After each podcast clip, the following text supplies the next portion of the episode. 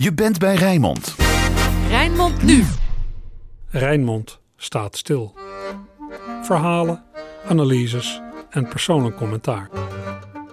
Goedenavond. Het klimaat is hot. Scholieren gaan de straat op, de Kamer houdt debatten op hoge poten, de media komen met alarmerende stukken. In de wetenschap is dit al heel lang een issue, maar nu is de boel opgeschud en heeft Jan en Alleman verstand van CO2, energietransities en zonne-energie. Mensen die waarschuwen voor de opwarming van de aarde worden massaal in de verdediging gedrukt. Klimaatdrammers worden het genoemd. Vanavond een portret van zo'n drammer, Henry Bontebal. Hij werkt bij netbeheerder Stedin in Rotterdam, bij de afdeling Strategie en Innovatie. Nee, het wordt geen marketingpraatje. Henry mengt zich gevraagd en ongevraagd in het bredere debat, waarin hij zich verbaast over onwetende politici en domme wetenschappers. Bontebal doet dat in columns, op Twitter, elke dag en hij heeft een eigen podcast. Welkom en leuk dat je luistert naar alweer de derde aflevering van Bontebal en de Boer. Hij is Bontebal. En hij is de boer. Wat ons is opgevallen in het nieuws. Nou ja, kijk, ehm, er was dat manifest in de Telegraaf van dat clubje oudere heren... wat, eh, wat eh, na hun pensioen nog wat meent te moeten vinden van klimaatverandering en eh, klimaatbeleid. Dat genoemde manifest stond in de Telegraaf, de krant die het voortouw neemt bij alle scepsis. We komen er nog over te spreken. De volgende podcast gaat ongetwijfeld over de actualiteit van de afgelopen week, zoals het scholierenprotest. Als we zo door blijven gaan, zal de natuur ons eigenlijk ook ja, verwoesten eigenlijk. Nou, wij zijn hier om de regering eigenlijk wakker te maken. Om te laten zien dat wij, dat wij als maatschappelijk geëngageerde burgers het echt niet mee eens zijn met het klimaatakkoord. Wij willen laten zien dat wij jongeren ook een stem hebben in Nederland. Want wij zijn de toekomst hier. Wij zijn nog 50 jaar nog op deze planeet. En wij willen gewoon dat aan deze planeet ook gewerkt wordt. En dat Nederland wakker wordt. We zijn hier vandaag met één doel. Verandering! Duizenden scholieren, Henry Bontebal werd er blij van. Ja, ik word daar enthousiast van. Je kunt eh, allerlei opmerkingen erover maken en zeggen dat die scholieren eigenlijk eh, eh, in de schoolbanken hadden horen zitten. Of je had kunnen zeggen van ze moeten op zaterdag protesteren. Maar wat ik wel heel mooi vind is dat, dat er zoveel scholieren in ieder geval uit hun bed komen voor zo'n klimaatmars. En dit thema heel erg belangrijk vinden. Dus ik vind, ik vind dit een hele mooie vorm van maatschappelijk betrokken zijn. Allemaal geïndoctrineerd. Ja, zoals iedereen, eh, elk kind indoctrineert. Hè? Dus ik zeg tegen mijn kinderen ook dat ze, als ze ergens binnenkomen, dat ze hun voeten moeten vegen enzovoorts. En dan doen ze het niet. En dan doen ze het niet. Nee, want eh, ja, ze wonen ook gewoon in Rotterdam. Ehm, nee, maar dat, dat, ja, ik vind dat echt een, een, een onzinverhaal. Je geeft een kind altijd een vorm van levensbeschouwing mee. Eh, en, en een kind blan- blanco opvoeden met geen, enkele, geen enkel normbesef enzovoorts, dat is volgens mij geen goed idee. Wat, wat, ik, wat ik wel merkte, en dat vond ik wel, wel grappig, ik heb het met mijn zoon niet echt over, over gehad, over die klimaatmars, maar gisteravond zat hij jeugdjournaal te kijken. Ja, en dat raakte hem wel echt. Dus hij zat er wel echt over na te denken. En hij zei van, eh, ja, we moeten nu echt eh, ook met elektriciteit zuinig zijn, papa.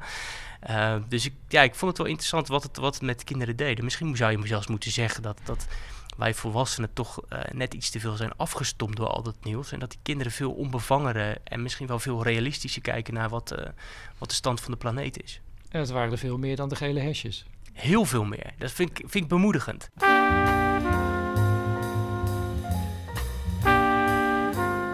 Wat is eigenlijk een klimaatdrammer?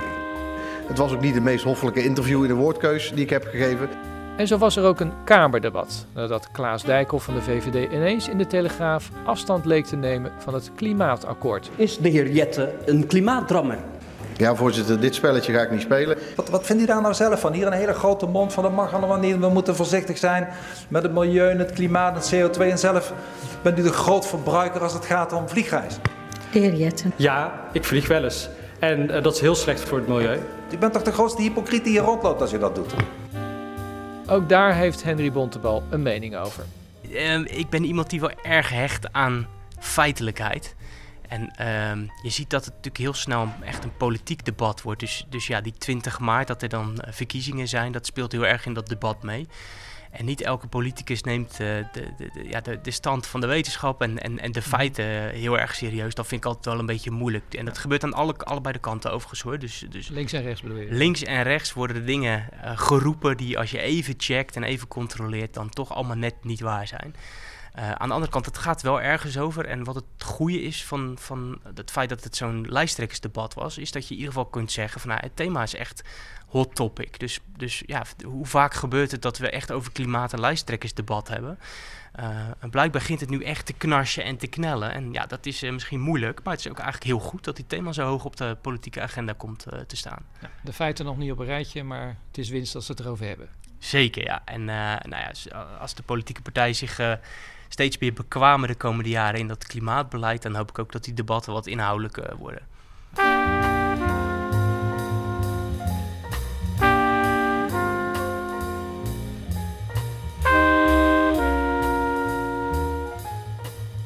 Het klimaatdebat. Dit is de stand van zaken. 97% van de wetenschappers is het eens: de opwarming komt door de mens en als de mens niet ingrijpt, wordt het een drama. Maar een enkele wetenschapper heeft twijfels en krijgt politici achter zich aan, zoals Trump en Baudet. So Obama's talking about all of this with the global warming and that, a lot of it's a hoax. It's a hoax. I mean, it's a money-making industry, okay? It's a hoax. De wereldwijde droogte neemt zelfs af. Ook de gemiddelde temperatuur op aarde is iets gestegen, maar veel minder dan steeds werd voorspeld. Van de angstaanjagende doemscenario's die de alarmisten ons voorschotelen, vinden we in de werkelijkheid helemaal niets terug. Sectarische apocalypsfantasieën, dat is wat het is. Laat Henry Bontebal dit horen en je krijgt hem gelijk op de kast. Of met een willekeurig artikel uit de Telegraaf, waarin bijvoorbeeld wordt gesteld dat we met z'n allen nog maar twee gehaktballen per week mogen eten. Daarom even voorstellen, Henry Bontebal. Hoe duurzaam is hij zelf? Vraag 1. Een elektrische auto? Uh, nee, nog niet. Wanneer? Nou, we hebben vijf jaar geleden hebben wij uh, onze auto gekocht. Ik rijd er eigenlijk zelf nooit in. Uh, mijn vrouw rijdt er veel in, die is verloskundige. En um, we hebben een diesel. En destijds heb ik die auto uitgekozen op de laagste CO2-uitstoot per kilometer. Dat was toen die auto. Ik had toen ook wel gekeken of, de, of ik elektrisch kon gaan rijden, maar ja, dan zit je met stekkers en laadpalen enzovoorts. En mijn vrouw moet natuurlijk om drie uur s'nachts uh, af en toe de bed uit en dan binnen een kwartier bij een bevalling kunnen zijn. Dat is gelijk in een notendop waarom de verduurzaming nog niet echt lukt, hè? Ja, en dit soort praktische problemen loop je dan tegenaan. Ja. Dat, dat, dat zal voor mij, voor ons gezin gelden, maar ik denk dat heel veel andere mensen ook weer hun uh, bezwaar hebben om uh, bepaalde dingen niet te doen. Ja. Gloeilampjes thuis? Nee, geen enkele. Alles LED, uiteraard. Ja? Ja, ja. Ook niet gewoon opgemaakt wat ik dan toch wel doe, dat je het idee hebt van ja, ik heb ze nou, ze doen het nog. Ik laat ze er nog even in zitten. Nee, ik, ik vind het. Nee, ik ben juist zo iemand die op het moment dat er goede LED's zijn, gelijk alles eruit haalt en alles uh, vervangt. En het is ook wel een beetje de, de, de, de natuurkundige in mij. LED-lampen, dat is natuurlijk fantastische technologie. Dat is gewoon uh, natuurkunde op zijn best. Aha. Dus en daarom vind ik het ook gewoon heel mooi om gewoon uh, ja, mooie technologie in mijn huis te hebben. En het is energiezuiniger en ik ik ga best wel ver in het verduurzamen van mijn, van mijn woning. En dit is een, een, een stapje daarin. Oké, nou gaan we eens even verder kijken. Zonnepaneeltjes? Ja, zeker. Mijn dak ligt er vol mee. Een zonneboiler ligt er nog naast. Dus ik maak naast groene stroom maak ik ook uh, uh, warm water met de zon. Uh, ik heb een douchewarmtewisselaar. Dus op het moment dat wij douchen, dan gaat een deel van de warmte... die wordt weer een soort teruggewonnen en, en aan het koude water toegevoegd. Dus dan bespaar je ook weer zo'n 40, 50 procent van de warmte mee. Ik heb mijn huis laten isoleren. Ik heb, uh, uh, toen wij twee jaar geleden gingen verbouwen, mijn uh, hele vloer heel met een dik pakket isolatie laten uitrusten. Dus zo zijn we elke keer aan het kijken of, ik, of we een stapje verder kunnen gaan. Ja, warmtepomp? daar ben ik naar aan het kijken, maar ik heb hem nog niet. maar ik ben aan het kijken of we, of we na, naar een hybride warmtepomp kunnen overstappen. Maar dat wordt misschien in het voorjaar. Koken op gas? Uiteraard niet. Nee? Ik, nee, nee, inductie koken. Wij hebben een paar jaar geleden onze keuken verbouwd, uh, vernield. En uh, meteen overgestapt op inductie. Ik kan het iedereen aanraden. Koken op gas, dat is echt zo 1990. Het is, het is zoveel comfortabeler om inductie te koken. Dat ik ook eigenlijk niet begrijp dat mensen überhaupt nog op gas willen koken. Ja. Moeten we nou allemaal van gas los? Gaan we allemaal van gas los? Want dat is ook in de, in de verhitte debatten die er eh, over het verduurzamen, het klimaat eh, gaande zijn, wordt dat steeds geroepen door sommige mensen. Ja, we moeten allemaal massaal van het gas af. Nou, het goede van die slogan van, eh, van gas los is dat het natuurlijk iets losgemaakt heeft, een hele discussie. Maar op een bepaalde manier is die term natuurlijk ook misleidend. En nou, de, de, de, de, de, halve teugneut in mij zegt dan van gas los. In principe is er met gas niks mis. Uh, het gaat natuurlijk dan vaak om aardgas. Je hebt natuurlijk ook allerlei duurzame vormen van gas. Um, en we moeten uitkijken om te suggereren dat de gemiddelde bewoner van Rotterdam binnen 1, 2, 3 jaar afgesloten wordt van gas. Dat is gewoon niet zo. Wat er gebeurt is natuurlijk dat we de komende 30 jaar um, gaan gebruiken om die hele gebouwde omgeving uh, te verduurzamen. En er zijn er allerlei smaakjes uh, om te verduurzamen. Dus bij sommige woningen zeg je, nou ja, daar is een warmtenet geschikt. Bij andere woningen zeg je, nou ja, daar, daar moeten we nog even een tijdje door met die, met die gasketel en misschien met een hybride warmtepomp. Dus een gasketel plus een kleine warmtepomp. Uh, uh, bij nieuwbouwwoningen kun je zeggen, nou ja, er is het eigenlijk helemaal niet meer nodig om überhaupt een gasaansluiting te hebben. Dus bouw dan gewoon gelijk een goede woning en uh, isoleer die flink en, en zet daar een warmtepomp in. Dus er is niet een soort one-size-fits-all benadering. En het is ook niet zo dat het allemaal binnen twee jaar geregeld moet worden. En nou ja, uiteindelijk kun je mensen niet zomaar verplichten om natuurlijk een investering te doen van een paar duizend euro. Dus daar gaat denk ik gewoon de tijd genomen worden om dat netjes met alle bewoners te doen. Ja. Hoeveel gehaktballen per week? ja, dat weet ik niet. Wij eten eigenlijk uh, bijna nooit gehaktballen. Jo. Maar als je het over vlees eten hebt, uh, wij zijn de afgelopen jaren wel steeds minder vlees gaan eten. Nog niet nul. Maar ik denk dat wij gemiddeld, ja, wat zal het zijn? Uh, één à twee keer per week nog een, ja, iets met vlees eten. Ik begin over die gehaktballen. jij weet het al, maar misschien voor de luisteraars. Telegraaf is nogal bezig de afgelopen weken, maanden. Uh, met ons waarschuwen voor de gevolgen van allerlei klimaatmaatregelen. En een daarvan is dat wij niet meer dan één of twee gehaktballen per week zouden mogen eten. Dan sla je de krant open. Ik weet niet of je geabonneerd bent op de Telegraaf. Als je het al was, waarschijnlijk nu niet meer. Maar anders hier bij steden op je werk. Wat denk je dan? Ik vind het meteen wel heel jammer dat, dat, dat zo'n krant meteen volop in de aanval gaat. Omdat ik denk, volgens mij is klimaatveranderen een probleem wat ons als hele samenleving raakt. Um, ik denk ook dat de meeste mensen zien dat het een probleem is en dat er wat aan gedaan moet worden. Waar je discussie over kunt hebben is van uh, ja, eigenlijk hoe je het beleid vormgeeft. Hè? Dus welk energie, welk klimaatbeleid heb je? Um, en wat eigenlijk de Telegraaf doet, is bewust die tegenstellingen die er zijn en die er nog dreigen te komen, om die heel sterk uit te vergroten. Dus het is wel een soort hetze die er dan gevoerd wordt, want er staat ook nergens in het klimaatakkoord, staan die gehaktballen genoemd. Er staat dat, dat, dat, het, dat het wenselijk is dat wij als samenleving uh, op een bepaalde manier, op een andere manier met, met het, het, de consumptie van eiwitten omgaan. Dat, dat is wat er ongeveer staat. Ja. Nou ja, en de Telegraaf die verplat dat dan heel snel tot de oorlog over de gehaktbal. Of uh, ja, er staan ook natuurlijk vergelijkbare berichten in van ja, uh, als je elektrisch gaat rijden, dan kan je niet meer met de caravan gaan rijden. Nou, allemaal dat soort dingen. Dat is natuurlijk een soort ja, strijd die ze proberen te voeren. En ja, ze proberen dat natuurlijk doen, te doen in het belang van, van, van de gemiddelde Nederlander. Uh, de, gewone burger. Terwijl ik denk, ja, volgens mij is die gewone burger verder dan dat. Um, en het is ook niet in het belang van die, van die gewone burger. Want ik denk dat, je, dat, je, dat een genuanceerd debat over die uh, over die maatregelen, over klimaatbeleid, is, is, is veel meer in het belang van die burger. We hebben helemaal geen belang bij een soort tegenstellingen tussen links en rechts en tussen de, de, de, de, de ontkenners en, en, de, en, de, en de vurige voorstanders van klimaatbeleid. Volgens mij moeten we het met elkaar allemaal doen. Um, en zijn er ook gewoon prima maatregelen te treffen. En er zal er ook een vorm van geleidelijkheid moeten zijn. Je kunt niet in één keer de hele samenleving op zijn kop zetten. Ja. Tegelijkertijd is er ook urgentie. En ik vind het jammer dat, dat, dat nou ja, een krant als de Telegraaf dat gelijk zo op de spits drijft. Want volgens mij is dat in niemands belang. Ja, behalve dan in het belang van de oplagecijfers van de krant zelf. Want dat zit erachter, denk je? Ja, dat weet ik niet. Maar het is natuurlijk wel een, een verdienmodel om, uh, om uh, ophef te creëren. Daar kun je, kun je ver mee komen.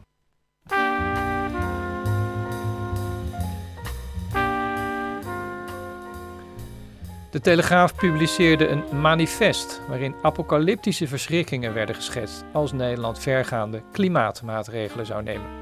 Een van de ondertekenaars van het manifest is de natuurkundige Kees de Lange. Als we dus uh, kijken naar het klimaat, dan verandert dat gewoon van nature uh, al 4,5 miljard jaar. En die veranderingen die kunnen heel groot zijn. Punt is dat uh, er geen relatie is tussen het CO2-gehalte van de atmosfeer en de temperatuur van de aarde. De uitslagen naar opwarming, afkoeling, zeespiegeldaling, zeespiegelstijging, die zullen ook met wat minder CO2 in de atmosfeer precies hetzelfde zijn als nu. Dus de illusie dat je het klimaat kunt regelen tegen gigantische kosten, dat is uh, heel erg dom in mijn ogen. Henry Bontebal over dat manifest, ondertekend door opvallend veel heren die gewerkt hebben bij de fossiele industrie. Ja, ik, dat, dat, ik vind dat heel jammer. Kijk, die, die, die heren die die, die tekst hebben geschreven. Zijn er ook echt allemaal mannen, hè, geloof ik, om te beginnen? Ja, uh, ja en meestal ook gepensioneerd. Ja. Um, dus het zijn, er zitten een aantal uh, bijvoorbeeld natuurkundigen tussen. Um, maar die, dat zijn dus niet mensen die bijvoorbeeld expertise hebben op klimaatbeleid. En ze zijn natuurlijk al een hele tijd uit het vak. En iedereen die al een tijdje meeloopt in het, in het energiedebat, die kent al die mannen. Want die schrijven namelijk al jaren dit soort ja. teksten. Dus het is ook allemaal niet nieuw. Het is allemaal enorm uitgekoud al. Ja. En um, ja, hun argumenten die zijn ook steeds keer op keer weerlegd. Dus um, ja, ik vind een mooi voorbeeld is, is, is de, de, de, de, de, weer, de, de argumenten die gebruikt worden om bijvoorbeeld windenergie af te schrijven. Ja, dat is um, heel vaak is dat al ergens in een krant verschenen op websites. Er zijn ook heel vaak kamervragen over gesteld. En je ziet dus dat, dat bijvoorbeeld minister Kamp heeft in meerdere brieven, heeft hij keurig netjes al die argumenten steeds weerlegd. Dus als je als krant een beetje had gekeken van ja, wat voor personen zijn dat nou? En, en, en, en wat is hun track record? En, en hoe vaak is hun verhaal al niet weerlegd, ja, dan had je gewoon kunnen zien dat dat, dat dat niet een heel sterk verhaal is wat die mannen uh, op tafel leggen. Ja, er worden gewoon enorme angstbeelden geschapen over bepaalde vormen van uh, duurzame energie. De, je ziet heel vaak dat ze allerlei uitgangspunten kiezen die niet kloppen. Dus uh, ja, ik, ik, vind, ik vind het eigenlijk een beetje sneu dat die, die mannen op zo'n leeftijd wat wil je ermee bereiken, zeg maar? Want die trein dende door, denk ik, omdat het overgrote deel van de mensen snapt dat er iets moet gebeuren. Um, de meeste mensen snappen, denk ik ook, zeker de mensen die in de energiesector bezig zijn, dat, dat, dat wat deze mannen doen, dat het heel vaak, uh, ja, dat dat niet klopt. Dus dat het ook gewoon dat qua, qua ja, de inzichten die ze in technologie hebben, die zijn verouderd. Uh, dus ja, wat, wat, wat, wat willen deze mannen ermee bereiken? Het is een soort, is, is het een rancune? Of, of, of ja, ik, ik begrijp dat eigenlijk niet goed, waarom ze dat doen. Het is natuurlijk vooral de vraag, waarom krijgt dit groepje mensen zo'n podium? Dat is, dat is, er zijn natuurlijk altijd mensen te vinden die, die ergens iets van vinden en, ja. en, uh, en een contraire mening hebben. Uh, maar ja, dan trek ik ook vaak, vaak de vergelijking met, met, met de antivaccinatiebeweging. Ja, hoe, lang blijf je dat soort mensen een podium bieden als je weet dat, dat wat zij zeggen uiteindelijk uh, um, ja, al zo, zo, vaak weerlegd is en dat het, dat het heel erg ideologisch gemotiveerd is. Maar dat zie je in het debat niet terug, in de journalistiek niet, in de politiek niet. Dan is het net alsof die uh, antivaxers heel groot zijn, alsof de klimaatskeptici heel groot zijn. Wat is er mis met het debat dan? Nou ja, ik denk dat bij de journalistiek speelt denk ik heel sterk mee dat ze, dat ze het principe van hoor en wederhoor altijd willen toepassen. Waardoor er zeg maar altijd een soort schijn ontstaat dat het debat 50% 50% is. Ja. Terwijl dat gewoon helemaal niet is. En, um, ja, dus, dus bij Pauw dan zie je een arts en een antivaxer. Ja. Alsof dat 50-50 is. Terwijl als je het werkelijk zou willen doen, dan zou je 99 artsen en misschien één antivaxer moeten uitnodigen. Ja, exact. En um, um, wat dan ook vaak misgaat, is dat er dan niet de tijd wordt genomen. Dus dan moet het item in drie minuten afgehandeld worden. Terwijl de werkelijkheid is vaak complex. Dus, uh, uh, en, en, en een klimaatwetenschap. Kijk, ik ben zelf ook geen klimaatwetenschapper. Maar een klimaatwetenschap is natuurlijk ook gewoon. Het is niet voor niks een wetenschap. En het is, het is ook gewoon complex. Dus als je dat in een talkshow wil bespreken. Ja, dan moet je eigenlijk de, de, de, de expert in kwestie. moet je echt ruim de tijd geven om zijn verhaal te kunnen doen. En dat, dat, die tijd is er vaak niet. En ontstaat er vaak toch een soort, meer soort retorisch schijngevecht. Want een echt inhoudelijk debat is het dan zelden. En dan is het toch van ja, wie heeft de grootste mond en wie kan uh, zich het beste uh, verweren. Kijk, wat ik, wat ik mooi vond, dat, dat heb ik echt heel hartelijk om gelachen. Dat was een, een, een berichtje op de Speldpas. Dat, wat, dat ging over de drie grafieken van, van, van Thierry Baudet. Die had in een debat had een aantal grafieken laten zien over, over klimaatverandering en dat het allemaal wel meeviel. Nou ja, de, over die grafiek is heel veel te zeggen. Hè. Er zijn ook weer mensen die hebben netjes uitgelegd dat wat hij doet ver bezijden de waarheid is. En dat het, dat het absoluut niet, uh, ja, klopt wat hij doet, zeg maar. Maar de speld had wel een heel, heel leuk eh, berichtje. Die hadden gezegd van ja, het is eigenlijk onwijs moeilijk om te bepalen wie, wie er nou gelijk heeft. Heeft Thierry Baudet nou met zijn, met, zijn, met zijn studierechten en zijn drie grafiekjes gelijk? Of hebben namelijk al die duizenden wetenschappers gelijk? En toen hadden ze op die website, hadden ze ik geloof meer dan 100 wetenschappelijke rapporten met linkjes erbij gezet van um, waarin klimaatverandering wetenschappelijk werd beschreven. Uh, en dat was natuurlijk op een hele cynische manier drukte het wel heel erg goed uit wat, wat, ja, waar, waar het debat nu steeds misloopt. Het is, het is echt wel de wetenschap versus uh, uh, dit soort mannen. Zelfs al zou je het allemaal geloven dat die invloed er is op het klimaat. En dat doet hij niet. En wat ik absoluut niet geloof, omdat er altijd klimaatverandering is geweest. In 1850 is een kleine ijstijd Mhm. geëindigd. Daarna is het klimaat gewoon door natuurlijke oorzaken een beetje warmer aan het worden. En straks wordt het weer wat kouder. En zo. We gaan het straks over Sesamstraat hebben. Daar zitten meer feiten in, in, dat, eh, in die serie dan in uw verhaal, meneer Baudet. Nou, nou heb je dat, dat genootschap, hè, zal ik maar zeggen, wat dat klimaatmanifest heeft ondertekend. Maar eh, buiten de journalistiek ook, inderdaad, je noemde het al, Baudet, de politiek, Trump. Een, een, een absolute klimaatskepticus. Ehm, nou ja, als je ziet hoe Dijkhoff reageert de laatste tijd, dan is er echt wel een groot probleem, denk ik. Als, als je het zo schetst van, nou ja, de wetenschappelijke wereld is eigenlijk gewoon wel eens. Maar die, die, die politiek fietst er dan toch wel heel lelijk doorheen. Ja, maar dat is natuurlijk niet de hele politiek. Dus ik denk, het is een deel van de politiek. Dus echt het, de, de, de oude klimaatskepsis, die zit nog bij de PVV en bij het Forum voor Democratie. Maar bij de andere partijen niet echt. Mhm. Daar gaat het meer over de vraag van hoe uh, geven we het klima klimaatbeleid vorm. Ja. Um, en ik vind het wel goed dat er vanuit verschillende ideologische perspectieven daarna gekeken wordt. Ja. Dus en, en, en dat debat zou wat mij betreft juist meer mogen gevoerd worden. Dus hoe kom jij tot klimaatbeleid vanuit jouw uh, politieke ideologie? Dus um, uh, um, ja, hoe kijk je als liberaal naar klimaatbeleid? Dus dan gaat het inderdaad over uh, wanneer wordt iets betuttelend? welke problemen kan de markt oplossen? Terwijl een sociaaldemocraat, die zal dat weer, die zal een sterke overheid verwachten. En een overheid die ingrijpt op het gebied van klimaatverandering. En een christendemocraat, zoals ik zelf ook ben, ja, die zal daar een soort midden in zoeken. Die zal zeggen, ja, het bedrijfsleven moet een deel doen, maar de samenleving is ook aan zet. En de overheid, en met elkaar moet je dat op zien te lossen. Nou, uh, en dat debat wordt denk ik juist ook te weinig gevoerd. Waarom roer jij je zo in het debat? Twitter, podcast, uh, column bij uh, RTL? Nou ja, voor een deel zal het in het aard van het beestje zitten, denk ik. Dus ik, uh, ik, ik, kom uit een groot gezin met acht kinderen. Um, en met broers boven mij en onder mij en zusjes uiteraard ook. En wij hebben altijd best wel een sterke debatcultuur in ons gezin gehad. Dus uh, je, je, werd geacht een mening te hebben, maar je werd hem ook geacht met verven uit te dragen. En, en als dat niet meteen vlekkeloos lukte, dan werd je ook redelijk snel wel uh, verbaal in de hoek gezet. En ik heb het altijd heel erg gewaardeerd en, en leuk gevonden. Dus ik vind het ook gewoon heel leuk om... Waar, waar ben je opgegroeid? In Rotterdam-Zuid. Ik, uh, ik woon in Rotterdam-Zuid en ik heb daar eigenlijk altijd gewoond. En uh, ik vermoed dat ik daar nog heel lang blijf wonen. Dus ik ben echt van op Zuid. Um, en, en, en naast dat ik het ook gewoon leuk, en, uh, leuk vind en er plezier in heb, ik vind het ook wel heel erg belangrijk. Waar, waar, ik, waar ik heel erg moeite mee heb, is een debat waar er de feiten er niet meer uh, toe doen. En dat, dat, dat vind ik wel ja, soms wel beangstigend, dat er een discussie ontstaat waarbij het niet echt meer ertoe doet of wat je zegt ook klopt. Uh, ga je regelmatig ook in debat, in, in zaaltjes, congressen met nou, ik noem maar iemand uh, die zich ook op Twitter hoort, Kees de Lange. Dat is dan een van die manifestondertekenaars die ook overal een mening over heeft, maar zeker ook over het klimaat. Uh, komen jullie elkaar tegen of, of, blijft het beperkt tot de social media? Um, nee, ja, nee, met dat soort mensen ga ik eigenlijk zelden in debat. Dat, dat gebeurt via social media, maar ook dat zou je eigenlijk geen debat kunnen noemen. Nee? In dit geval zo'n Kees de Lange, die heeft mij onder andere geblokt. Die, oh, die, oh, daar kan je niet eens meer in gesprek mee. Daar kan ik niet eens meer in gesprek mee. En uh, ja, die man die blokkeert iedereen die uh, uh, tegenargumenten geeft. Dus um, daar, ja, daar, daar is niet echt een normaal debat mee, mee te voeren.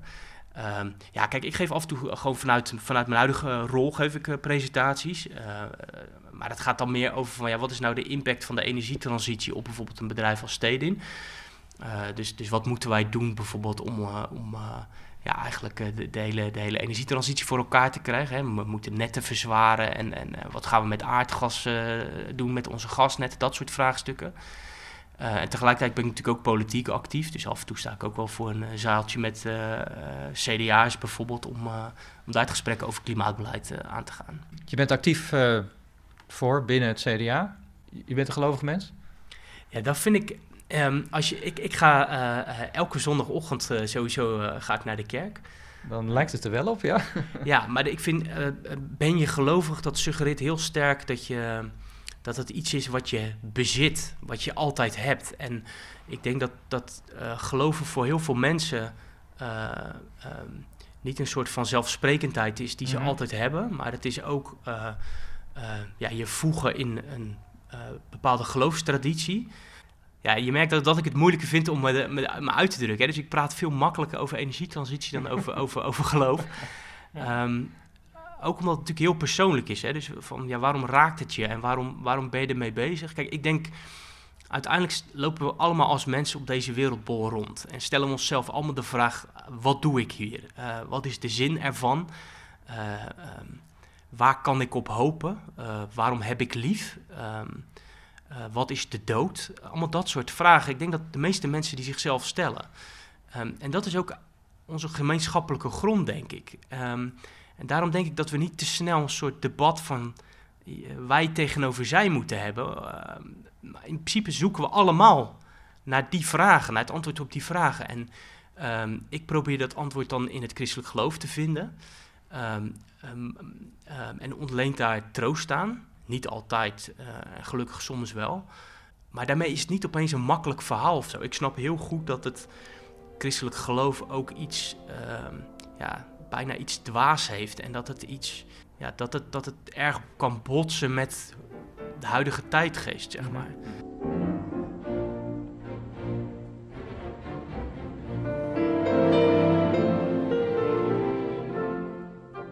Op jouw verzoek zet ik hier dan Rachmaninov onder.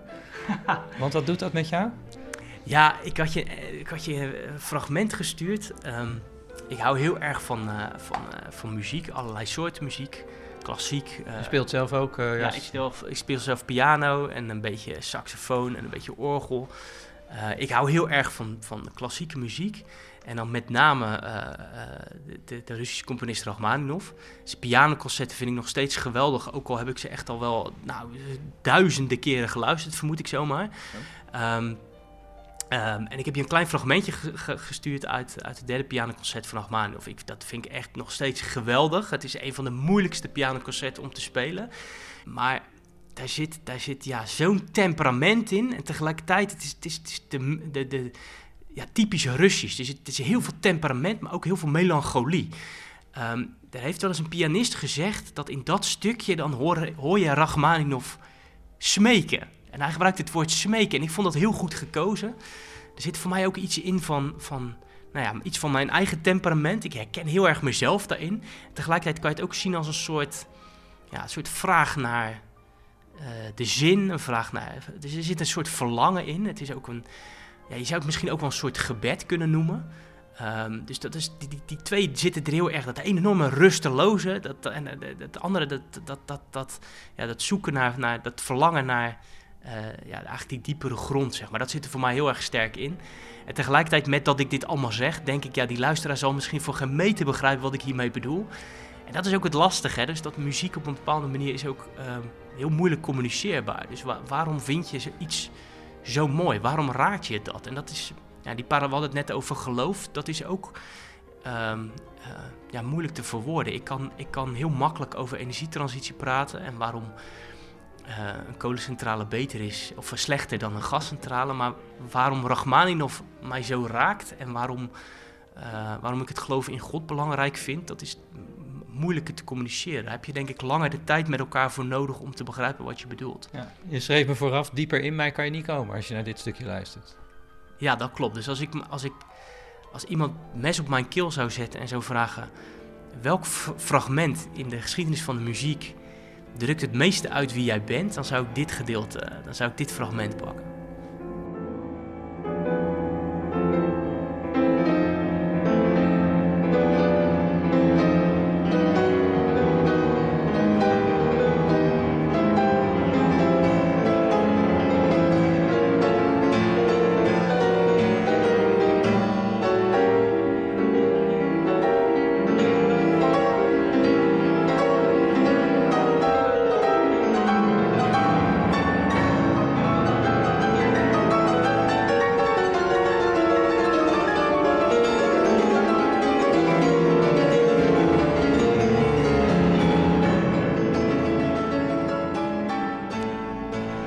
Eindigen met eh, een paar profetieën, als je het goed vindt, van jou.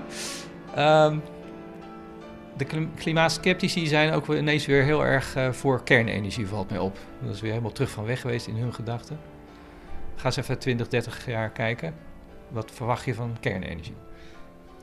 Ik denk dat wereldwijd kernenergie eh, wel degelijk met een opmars bezig is. Ik zie het in Nederland nog niet zo snel gebeuren.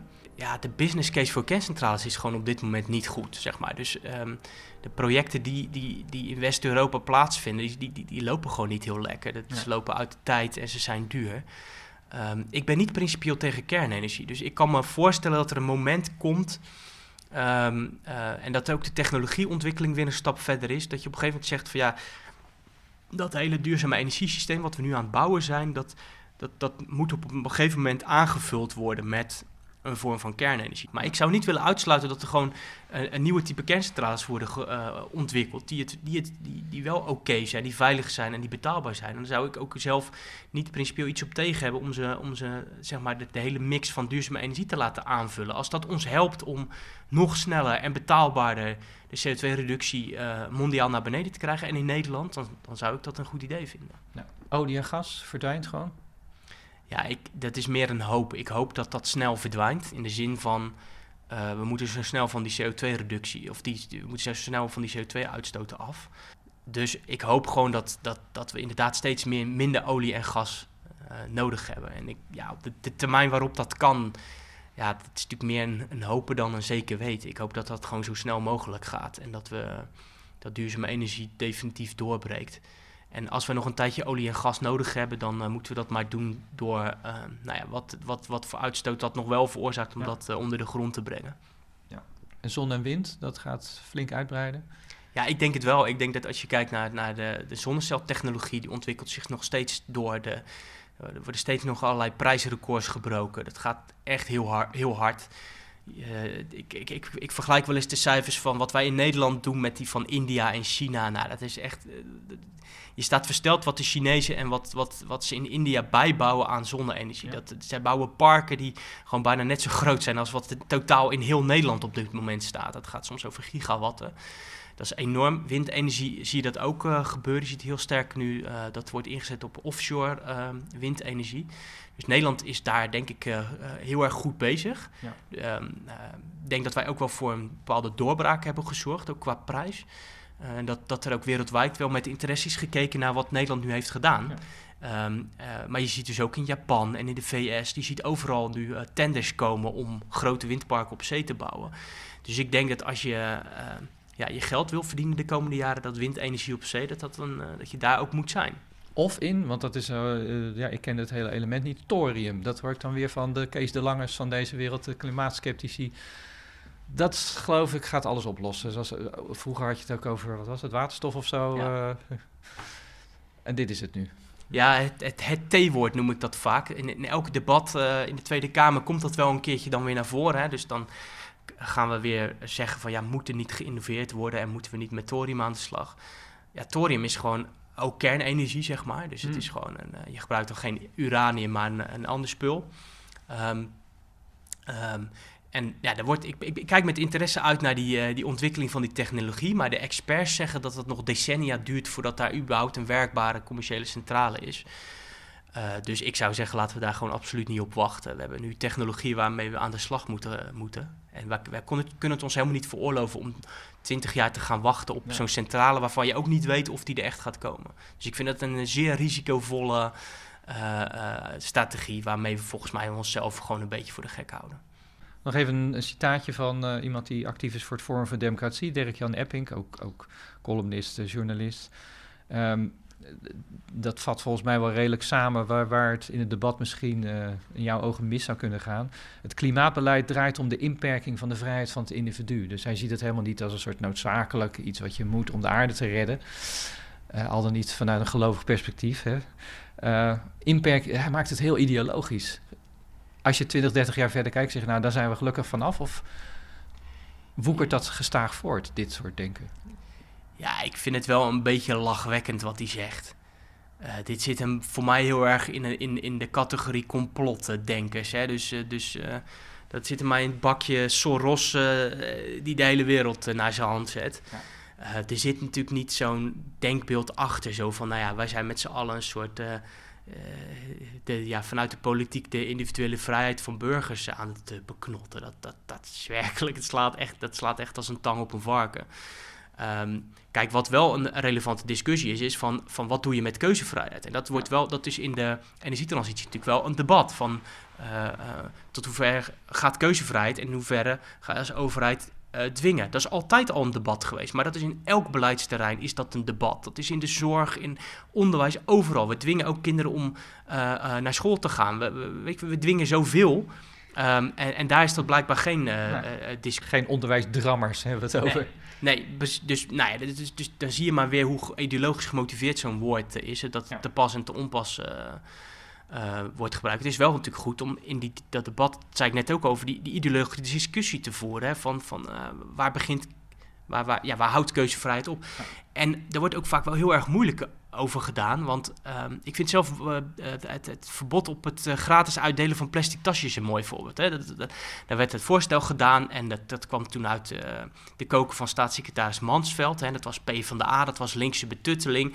Nou ja, de, vanuit de VVD, de, de, ene tweet naar de andere, hè, dat dat linkse betutteling was, enzovoorts, enzovoorts, enzovoorts. Um, het verbod is ingevoerd. Je hoorde er bijna niemand meer over. En ik geloof dat, dat het is een enorm succes. Het, het, het, het aantal plastic tasjes wat, wat, wat zomaar uitgegeven wordt, is sterk gereduceerd. De meeste mensen nemen gewoon even van thuis een tas mee. En uh, weet je, beter voor het milieu. En, en al die troep verdwijnt niet in het, in, het, in het milieu. Dus ja, dat kun je betutteling noemen. Je kunt ook gewoon zeggen, ja jongens, we zijn op een gegeven moment als samenleving zo ver dat we dat gewoon niet meer willen. Uh, en dan is zo'n verbod prima. En uh, je moet altijd even kijken: van, zijn er mensen die heel erg nadelig gepakt worden? En dat kun je op een bepaalde manier compenseren. Maar we moeten ook niet te moeilijk doen over, over ver, verboden. Weet je? We zijn, er zijn op heel veel plekken worden de dingen gewoon verboden of doen we gewoon niet meer. Weet je, dat, weet je er kwam op een gegeven moment een einde aan de kolenwinning in uh, Limburg. Ja, hebben we ook, ook gedaan. En zo, zo, zo, zo gaat de economie steeds voort. Het gaat er natuurlijk om van ja, belet je mensen. Um, um, als het, om, als het om individuele vrijheid belet je mensen dan in hun individuele ontplooiing. Dat vind ik eigenlijk het belangrijkste. Een overheid zou er voor, mijn zin voor moeten zorgen dat mensen zichzelf kunnen ontplooien. Dat ze met goed onderwijs verder kunnen komen. En dat ze, ja. dat ze met elkaar de wereld mooier kunnen maken. En dat die overheid daar niet te veel in zit om hen dat te beletten. En dat, dat je ook een redelijke mate van vrijheid hebt om zelf je kinderen op te voeden. Um, maar dat wil niet zeggen dat de overheid niet op bepaalde momenten ook gewoon zaken kan uitfaseren. Zoals de gloeilamp. Jongens, we hebben gewoon iets beters. Dat is de ledlamp. Dan is, dan is dat ja, een verbod op de gloeilamp. Jongens, het is gewoon een fase in de technologieontwikkeling. En soms moet je gewoon kappen met dingen die niet meer werken. En uh, ik denk dat we daar ook een beetje pragmatisch mee om moeten gaan.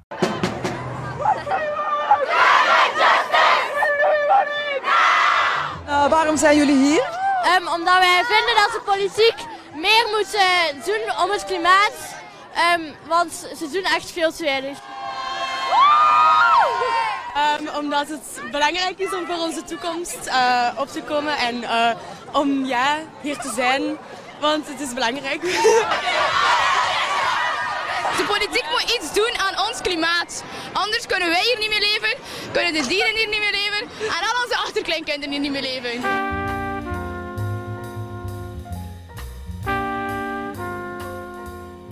10 maart is er een klimaatmars. Loop je mee? Dat vind ik een moeilijke. Uh, ik, ik, heb daar, ik zit daar wel over na te denken. Ik denk dat ik het niet doe. Ik ben niet zo van dat soort optochten sowieso. Hè, want dan, nou ja, dan zit je weer bij een groep. En ik merk wel... Voor je het weet moet je een geel hesje aan? Ja, ja, nou ja, ik heb er nog wel één in de achterbak volgens mij, van de auto. Van de diesel? Uh, van de diesel. Maar um, ik moet heel eerlijk opbiechten dat ik, waar ik dan een beetje moeite mee heb, is dat het, dit soort marsen worden heel snel geclaimd door bewegingen als Milieudefensie enzovoorts. En daar heb ik dan altijd een beetje moeite mee om in dat kamp te zitten. Want ik wil niet, dat, is het, dat, dat kamp is ook hetzelfde kamp wat heel erg um, ja, negatief is over het bedrijfsleven en, en over grote bedrijven enzovoorts. En, en ik wil niet zeg maar in dat wij-zij-spelletje zitten. Nee. En ik wil me dus. Dus ik zou het wel mooi vinden als er, als er een klimaatmars was waar een hele grote breedte aan partijen was. Dan zou ik het wel echt overwegen. Um, maar nu wordt het heel snel wel dat ideologische uh, kamp ingetrokken. En dat vind ik wel moeilijk om, om dan daarbij te horen. Tegelijkertijd denk ik soms ook van. Is de, is de klimaatproblematiek niet zo urgent dat je je harder en duidelijker zou moeten uitspreken? Ja, dat vind ik, vind ik een lastig. Uh, dat is hetzelfde als met, met, die, met die schoolkinderen die nu, die nu uh, ja, spijbelen. Dan, ik zit wel eens te denken, stel dat mijn zoontje, als die uh, vier jaar ouder is, stel dat hij zou gaan, dat zou gaan doen. Hè. Wat zou ik daarvan vinden? En is het niet toch soms tijd om um, ja, die gebaande paden van je invloed laten gelden, of, um, de manier waarop je je mening naar voren brengt, is het toch niet soms goed om daar wel wat duidelijker in te zijn. Dus ik ga dan niet zeggen dat we moeten met stenen moeten gooien of zo, dat absoluut niet.